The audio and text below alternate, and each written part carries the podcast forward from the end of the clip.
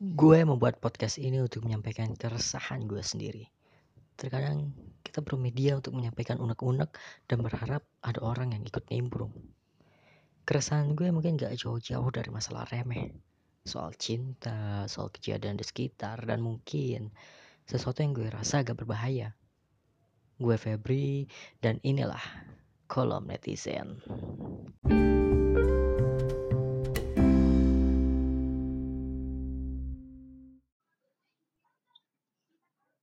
Gue baru saja menonton sebuah sinema hidayah. Ceritanya standar. Ceritanya standar sebagaimana semestinya sebuah cerita hidayah semacam itu. Jadi gini ceritanya. Ada sepasang suami istri yang hidup bersama mertuanya. Ya sebagaimana sinetron. Kalau kita tinggal dengan mertua kita, mertua kita pasti jahat. ya tahu kenapa pasti. Nah, jadi sepasang suami istri ini hidup dalam keadaan susah dengan mertuanya, dengan orang tua si cewek.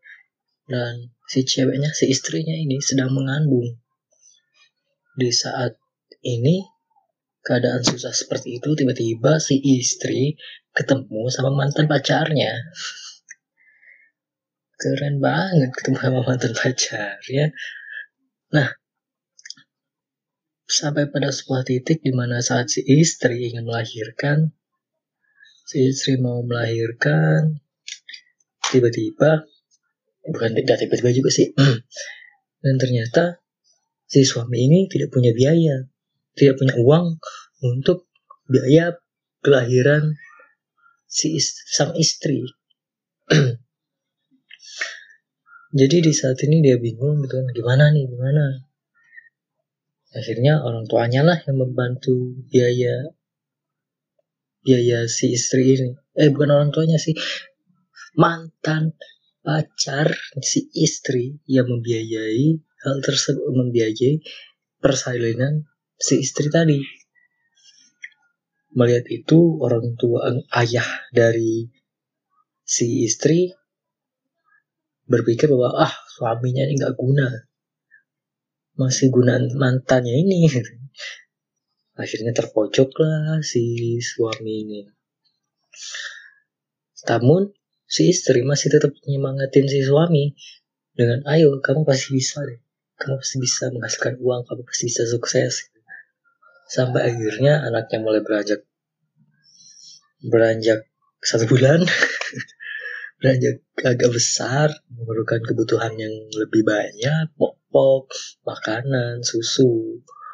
Namun si suami ini masih belum bisa memberikan hal tersebut. Sang istri kecewa, akhirnya dia memutuskan untuk ya udah deh kita cerai. Udah gak punya duit cerai lagi bangsat. Setelah cerai, si istri menikah dengan mantannya si istri ini menikah dengan mantan pacarnya yang berduit. Jadi dia meninggalkan cowok yang udah miskin ini cowok yang udah kaya. Gitu. Sampai tiba-tiba sampai pada suatu saat uh, sampai pada suatu titik di mana sang ayah itu terkena stroke. Ayahnya ayah si istrinya tadi ini terkena stroke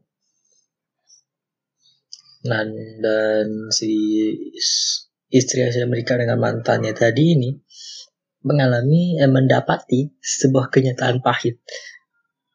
Karena mantannya menikahi dia dengan tujuan balas dendam. Balas dendam. Jadi dulu si istri pernah waktu mereka pacaran pernah menyakitin mantannya ini. Jadi dia nikahin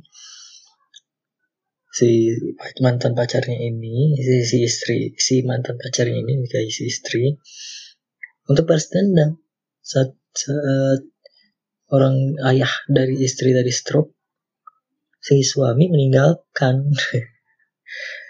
Nah gua udah puas nih balas dendam cerai kita cerai. Sampailah itu kepada ayahnya mereka bingung bagaimana membiayai pengobatan stroke ayahnya ini. Dan secara heroik, secara sangat superhero sekali, mantan suaminya tadi yang miskin tadi datang ke rumah sakit dalam keadaan sudah kaya. Dia dapat warisan gitu dari orang dari orang yang dia bantu. Orang yang meninggal karena kanker dia dapat warisan jadi kaya mendadak datang eh ketemu di rumah sakit saat si mantan istrinya si mantan istrinya sedang kebingungan bagaimana cara membayar biaya pengobatan sang ayah. Aduh. Lalu ya lalu si mantan suaminya ini ya udah gue aja yang bayar kata dia kan biar aku aja yang bayar seluruh pengobatan ayah template sekali kan sampai pada suatu kalau gue nih kalau gue jadi suaminya melihat mantan istri gue udah kayak gitu gimana dia menyakitin gue dengan meninggalkan gue demi orang yang lebih kaya? Gue, ma, gue katain dia mampus lu mampus. Sekali bapak sama duit. Ya gimana orang nggak sakit hati ini gara-gara miskin ditinggalin bang jadi eh, saat sudah membayar gitu kan mereka masuk ke ruangan si istri dengan si mantan suaminya tadi masuk ke ruangan si ayah yang sedang dirawat bilang lah eh, ya ini si ini sudah membayar biaya pengobatan. Ayahnya senang. Wah, terima kasih. Saya maaf, minta maaf dulu pernah menyepelekan kamu. Bersalah kamu. Udah mau mati, dibayarin. Udah maaf. Udah gitu kan, dia, si mantan suaminya keluar. Selesai urusan. Tiba-tiba tiba-tiba ada yang teriak di belakang kenapa tiba-tiba si istri tadi mengejar mantan suaminya keluar. Dia di luar minta balikan. minta rujuk. Gini ya, gini, gini, gini, gini, gini. Ini ya, ada beberapa, ada dua hal nih. Pertama, ini si istri bangsat nih ninggalin suaminya saat suaminya itu miskin eh ketemu lagi suaminya udah kaya minta balikan lagi wadaw si istri ini dia gak mikir dia gak takut gitu. Semua terulang lagi atau gimana gitu. Tapi dia gak takut gitu. Saat dia balikan lagi sama si mantan suaminya yang udah kaya ini dia gak takut dia diperlakukan sama gitu. Wah, aku mau balas dendam lagi. Wah, aku mau balas dendam. Dia menceraikan aku. Nggak takut gitu lagi apa. Jadi semuanya berulang-ulang-ulang gitu aja terus sampai Nobita dewasa.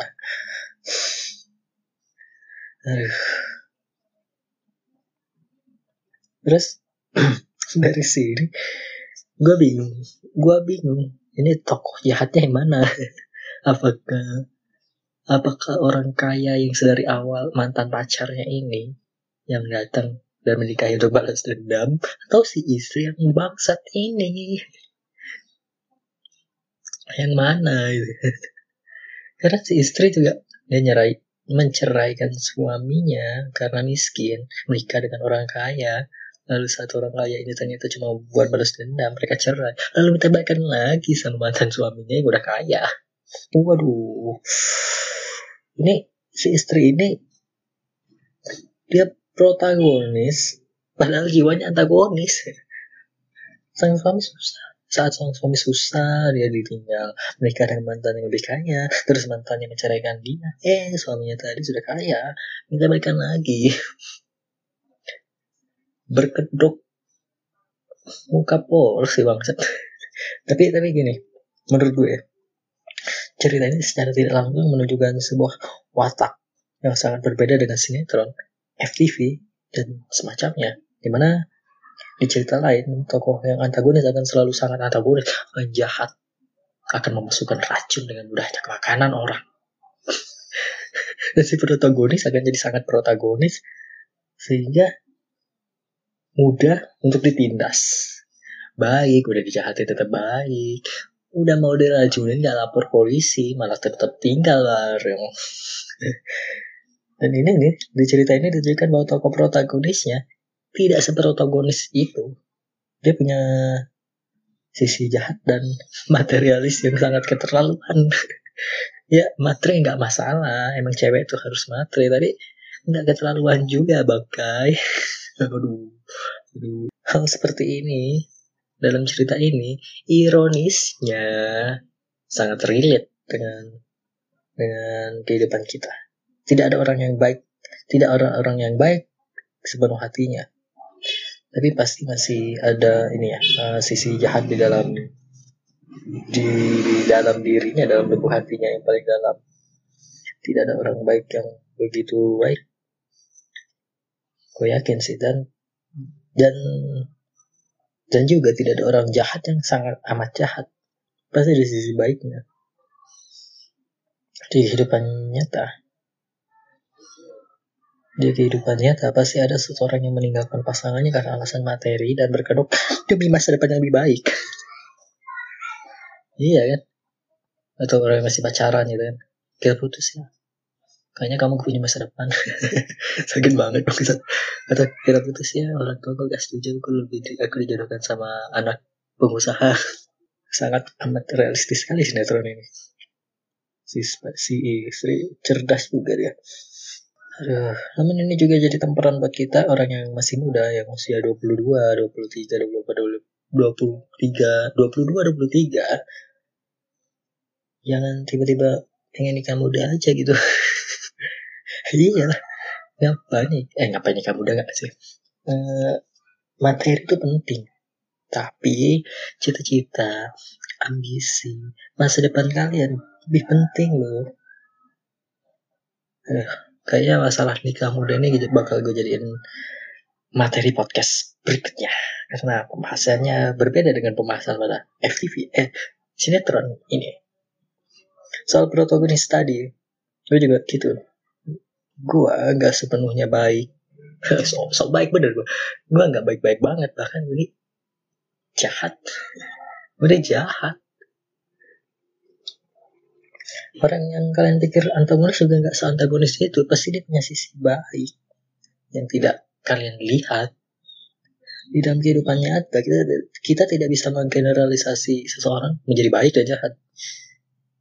Karena di, setiap orang itu pasti ada sisi baik atau sisi jahat yang tidak dia munculkan. Ya kan? Kita cuma bisa melihat sisi mana yang dominan ditunjukkan oleh seseorang dan inilah yang ditunjukkan dalam sinetron ini. Ternyata sinetron bisa diulik dari sisi yang unik juga ada juga ada guna juga gue nonton sinetron. Biasanya cuma ngoceh-ngoceh ini sinetron kenapa panggil-panggil sayang kopi ini jadi terasa lebih manis karena kamu yang buatnya sayang berarti aduh gue pikir sinetron selama ini adegan pelukan ciuman raba-raba tete. Gak disensor tapi dada saya di situ pai di sensor. Gue pikir gak nggak ada bisa ribet ke sinetron ternyata bisa ya. Iya dalam kehidupan ini tidak semua orang baik dan tidak semua orang jahat. Jadi gitu. Tidak semua orang jahat. Tidak sese, seseorang tidak sebenarnya jahat. Ada sisi baik yang tidak kita ketahui saja.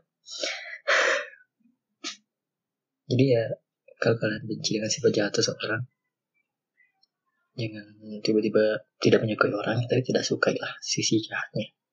Karena pasti dia bisa punya sisi baik yang tidak dia timbulkan yang tidak dia munculkan ke permukaan. So bijak so bijak so bijak. Oke uh, sekian podcast kali ini. Gue Febri dan gue mau ucapkan nikah muda. Kenapa kalian mau nikah mau nikah muda gitu loh? Apa kalian tidak punya cita-cita? Karena kalau udah nikah kalian tidak akan fokus ke cita-cita kalian. Try dulu lah. Setidaknya sudah jelas hampir tercapai lah baru nikah. Ya